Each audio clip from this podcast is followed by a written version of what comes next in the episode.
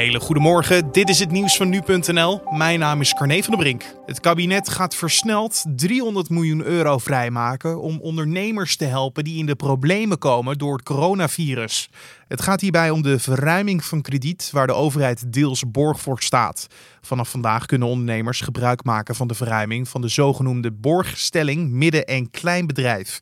Het kabinet schat in dat MKB-bedrijven in eerste instantie direct 300 miljoen euro nodig hebben. En donderdag werden de kosten nog op 20 tot 25 miljoen euro geschat. En we blijven nog even bij de politiek, want het aantal debatten wordt tot 6 april flink teruggeschroefd. Alleen de strikt noodzakelijke debatten zullen worden gevoerd, zoals die over het coronavirus. Parlementair werk wordt ook zoveel mogelijk schriftelijk of digitaal afgehandeld. Dat schrijft Tweede Kamervoorzitter Kadisha Ariep zondagavond na overleg met de fractievoorzitters in de Tweede Kamer. Het volgende coronadebat staat momenteel gepland voor woensdag om 1 uur. De Spaanse koning Philippe weigert de toekomstige erfenis van zijn vader Juan Carlos aan te nemen. Koning Philippe wil ook dat zijn vader niet langer een jaarlijkse uitkering van de overheid krijgt. Met deze verklaring reageert Philippe op de onthulling van zondag dat hij zou profiteren van een fonds dat door zijn vader was opgezet.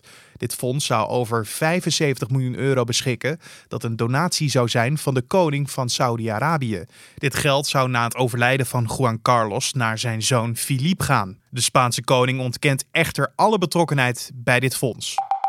De Israëlische premier Netanyahu en oppositieleider Gans zijn in gesprek over het vormen van een eenheidsregering. Zondagavond werden zij uitgenodigd door president Reuven Rivlin om te praten over een mogelijke nieuwe regering. En vandaag zullen die gesprekken doorgaan, al dus de BBC.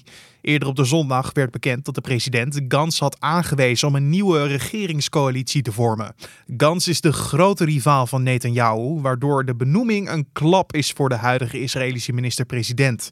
Gans zal vandaag het officiële verzoek van de president krijgen en hierbij wil Rivlin dat de oppositieleider de mogelijkheden voor een coalitie met zowel Gans als Netanyahu onderzoekt. En tot zover de nieuwsupdate van nu.nl.